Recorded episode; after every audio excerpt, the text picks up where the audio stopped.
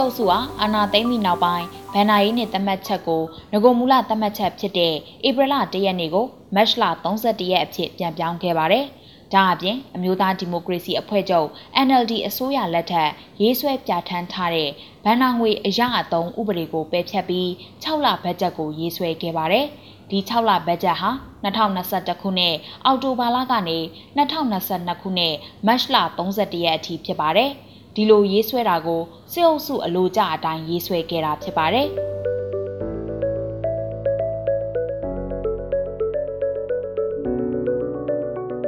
အစိုးရတရားမှာဗန်နာရေးနဲ့ပတ်သက်လို့ဝင်ငွေနဲ့အတုံးစရိတ်ဆိုတာခွဲခြားထားပါတယ်။အတုံးစရိတ်မှာမှတာမန်အတုံးစရိတ်နဲ့ငွေလုံးငွေရင်းအတုံးစရိတ်ဆိုပြီးထပ်မံခွဲခြားထားပါတယ်။တာမန်အတုံးစရိတ်အောက်မှာဝန်ထမ်းလစာပေးတာရုံးခန်းပြုပြင်စရိတ်ဧည့်ခံစရိတ်စသဖြင့်ပါဝင်ပါတယ်။ ဒီတာမန်အသုံးစရိတ်ဟာရှီရင်ဆွဲဝန်ထမ်းတွေအပေါ်အခြေခံတွက်ချက်ရတာဖြစ်လို့ကြီးကြီးမားမားကွာဟလိမရှိပါဘူး။တနည်းပြောရရင်ဇီးဒီပန်းမှောက်လို့မရတဲ့အသုံးစရိတ်လို့ဆိုနိုင်ပါတယ်။ငွေလုံးငွေရင်အသုံးစရိတ်ကအရေးကြီးပါတယ်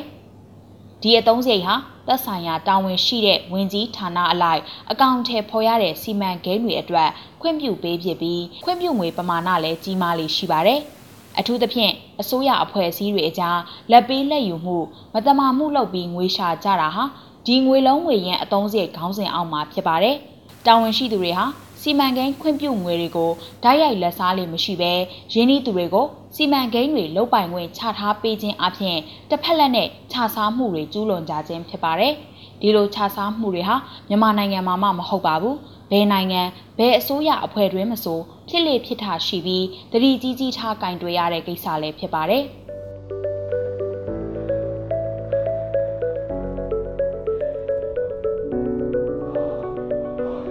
မင်းအောင်လှိုင်အမိန့်နဲ့ပြန်ဆွဲထားတဲ့6လတာဘတ်ဂျက်ကိုကြည့်ရင်ကာကွယ်ရေးအသုံးစရိတ်ဟာကြံတဲ့ဌာနတွေအသုံးစရိတ်ထက်အများဆုံးဖြစ်နေပါတယ်။ တာမန်အသုံးစရိတ်အဖြစ်ကြက်တန်းပေါင်း6သိန်းကျော်ခွင့်ပြုထားပြီးငွေလုံးငွေရင်းအသုံးစရိတ်ကိုတော့ကြက်တန်းပေါင်း8သိန်းအထိသုံးစွဲဖို့ပြင်ထားပါတယ်။ကာကွယ်ရေးဌာနအတွက်ခွင့်ပြုထားတဲ့အသုံးစရိတ်စုစုပေါင်းဟာဝင်ကြီးဌာနစုစုပေါင်းအသုံးစရိတ်ဖြစ်တဲ့တန်းပေါင်း9တန်းကျော်ရဲ့32ရာခိုင်နှုန်းအထိရှိနေပါတယ်။ဒါအပြင်တာမန်ကောငွေလုံးငွေရင်းအသုံးစရိတ်ခွင့်ပြုထားမှုနှစ်ရက်လုံးဟာကြံတဲ့ဝင်ကြီးဌာနတွေထက်အများကြီးရယူထားတာဖြစ်ပါတယ်။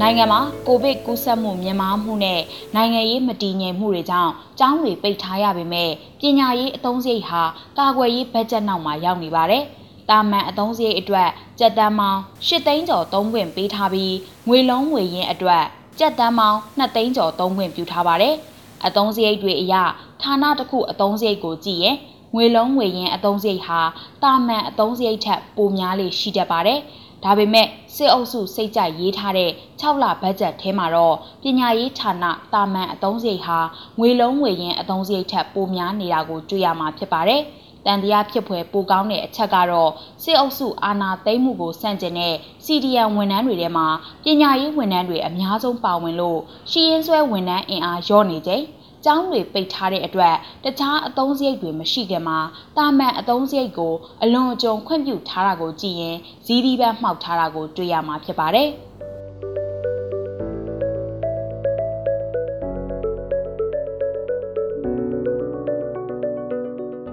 စစ်အုပ်စုကဖွဲ့ထားတဲ့ဝင်ကြီးဌာနအလိုက်တတိယမြောက်အသုံးစရိတ်အမြင့်ဆုံးဟာကျန်းမာရေးဌာနပဲဖြစ်ပါတယ်။ဒီဌာနအတွက်တာမန်အသုံးစရိတ်ကို ကြက်တန်းမောင်း3သိန်းကျော်ခွင့်ပြုထားပြီးငွေလုံးငွေရင်းကိုတော့ကြက်တန်းမောင်း3သိန်းကျော်ခွင့်ပြုထားပါတယ်။ဒီခွင့်ပြုငွေနှစ်ရက်စုစုပေါင်းဟာကြက်တန်းမောင်း4သိန်းကျော်အထိရှိနေပါတယ်။တာမန်အားဖြင့်ပြည်သူဝန်ဆောင်မှုပေးရတဲ့ကျန်းမာရေးဌာနမှာအသုံးစရိတ်မြင့်တက်မှုဟာကောင်းတဲ့လက္ခဏာဖြစ်တယ်လို့ဆိုကြပေမဲ့တာမန်အသုံးစရိတ်ဟာစီမံကိန်းအတွက်ချပေးတဲ့ငွေလုံးငွေရင်းအသုံးစရိတ်ထက်မြင့်တက်နေမှုကဇီးဒီပန်းမှောက်နေတဲ့ဆိုတာကိုသက်သေပြနေပါတယ်။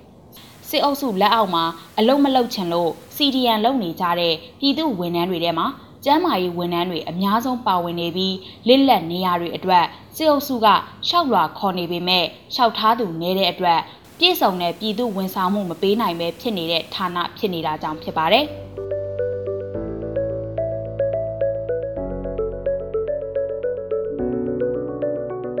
တာမန်နဲ့ငွေလုံးငွေရင်းအသုံးစရိတ်နှစ်ရက်ပေါင်းမှာ စတုထမြောက်အများဆုံးရယူထားတာကတော့စောက်လုပ်ရေးဌာနပဲဖြစ်ပါတယ်။ဒီဌာနဟာခြားစားမှုအများဆုံးဌာနအဖြစ် KSSS နာမည်တွင်ခဲ့တဲ့ဌာနလည်းဖြစ်ပါတယ်။ဒီဌာနအတွက်တာမန်အသုံးစရိတ်ကိုကျက်တန်းပေါင်း4000ကျော်အထိခွင့်ပြုထားပေမဲ့ငွေလုံးငွေရင်းအသုံးစရိတ်ကိုတော့ကျက်တန်းပေါင်း3သိန်းကျော်အထိသုံးမယ်လို့စေအုပ်စုကကြေညာထားပါတယ်။အသုံးစရိတ်နှစ်ရက်စုစုပေါင်းပမာဏဟာကျက်တန်းပေါင်း4သိန်းကျော်အထိရှိနေပါတယ်။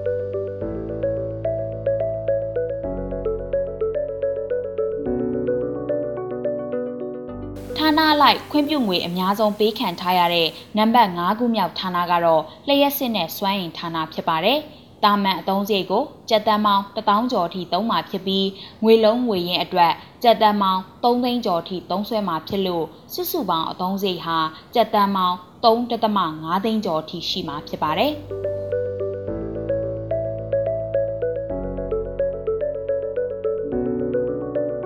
တပ်လက်အောက်ခံပြည်ထရေးဌာနရဲ့အသုံးစရိတ်ကဝင်ကြီးဌာနလိုက်ဆင်ကြီးလိုက်ရင်နံပါတ်6အဆင့်မှာရှိနေပါတယ်။ဝင်ကြီးဌာနစုစုပေါင်းအသုံးစရိတ်ရဲ့4.6ရာခိုင်နှုန်းအထိသုံးစွဲခွင့်ရမယ်ပြည်ထရေးဌာနအတွက်တာမန်အသုံးစရိတ်ကိုကြက်တန်းပေါင်းတသိန်းကျော်နဲ့ငွေလုံးငွေရင်းအသုံးစရိတ်အဖြစ်ကြက်တန်းပေါင်း9000ကျော်အထိခွင့်ပြုထားပါတယ်။ NLD အစိုးရလက်ထက်ကပြည်ထရေးဌာနအတွက်လိုအပ်တဲ့အဆောက်အုံအများအပြားဆောက်လုပ်ပေးခဲ့တဲ့အတွက်ငွေလုံးငွေရင်းအသုံးစရိတ်အများအပြားသုံးစွဲခဲ့တာကြောင့်စေအုပ်စုဟာသူတို့အသစ်ရေးထားတဲ့6လဘတ်ဂျက်မှာငွေလုံးငွေရင်းထက်တာမန်အသုံးစရိတ်ကိုခန့်များများသုံးစွဲထားတာလည်းဖြစ်ပါတယ်။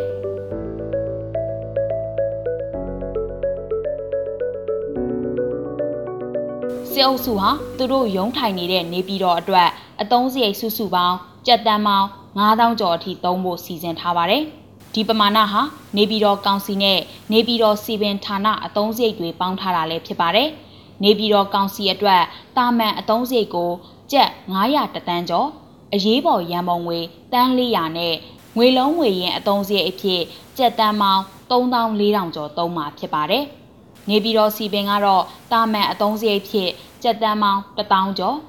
ထောက်ပံ့ငွေခေါင်းစဉ်နဲ့တန်း6000နဲ့ငွေလုံးငွေရင်းအသုံးစရိတ်အဖြစ်ကျပ်တန်းပေါင်း4000ကျော်သုံးမှာဖြစ်ပါတယ်။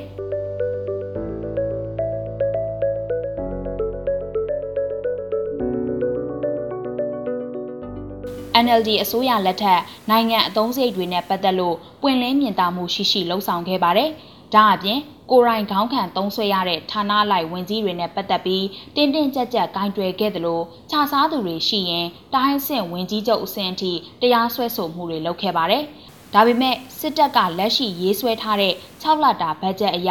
နိုင်ငံဘဏ္ဍာမှာအလေလွင့်ဖြစ်စရာအများအပြားရှိနေတာကိုမြင်ရမှာဖြစ်ပါတယ်။ စစ်တပ်ကဘတ်ဂျက်ဥပဒေကို သူတို့စကားနားထောင်တဲ့သူတွေကိုစိတ်ကြရေးဆွဲထားခိုင်းတာဖြစ်ပြီးစစ်တပ်အကျိုးအတွက်နိုင်ငံပိုင်ဘဏ္ဍာတွေကိုစိတ်ကြိုက်သုံးဖို့ပြင်ထားတာကိုလည်းအချက်လက်တွေကပြဆိုနေပါတယ်။ဝန်ထမ်းမရှိတော့တဲ့ဌာနတွေအတွက်ဝန်ထမ်းစရိတ်တွေကိုအလွန်အကျွံသုံးထားသလိုခေတ်ဆက်ဆက်နာမည်ပြတ်ခဲ့တဲ့ဌာနတွေအတွက်ငွေပမာဏကြီးကြီးမားမားသုံးရတဲ့ငွေလုံးငွေရင်းစရိတ်အများအပြားချထားပေးမှုကိုကြည့်ရင်ဒီ6လဘတ်ဂျက်ဟာ စစ်အုပ်စုအကျိုးအတွက်ဇီးဒီပန်းမှောက်ထားတဲ့ဘတ်ဂျက်ဥပဒေလို့ဆိုရမှာပဲဖြစ်ပါတယ်။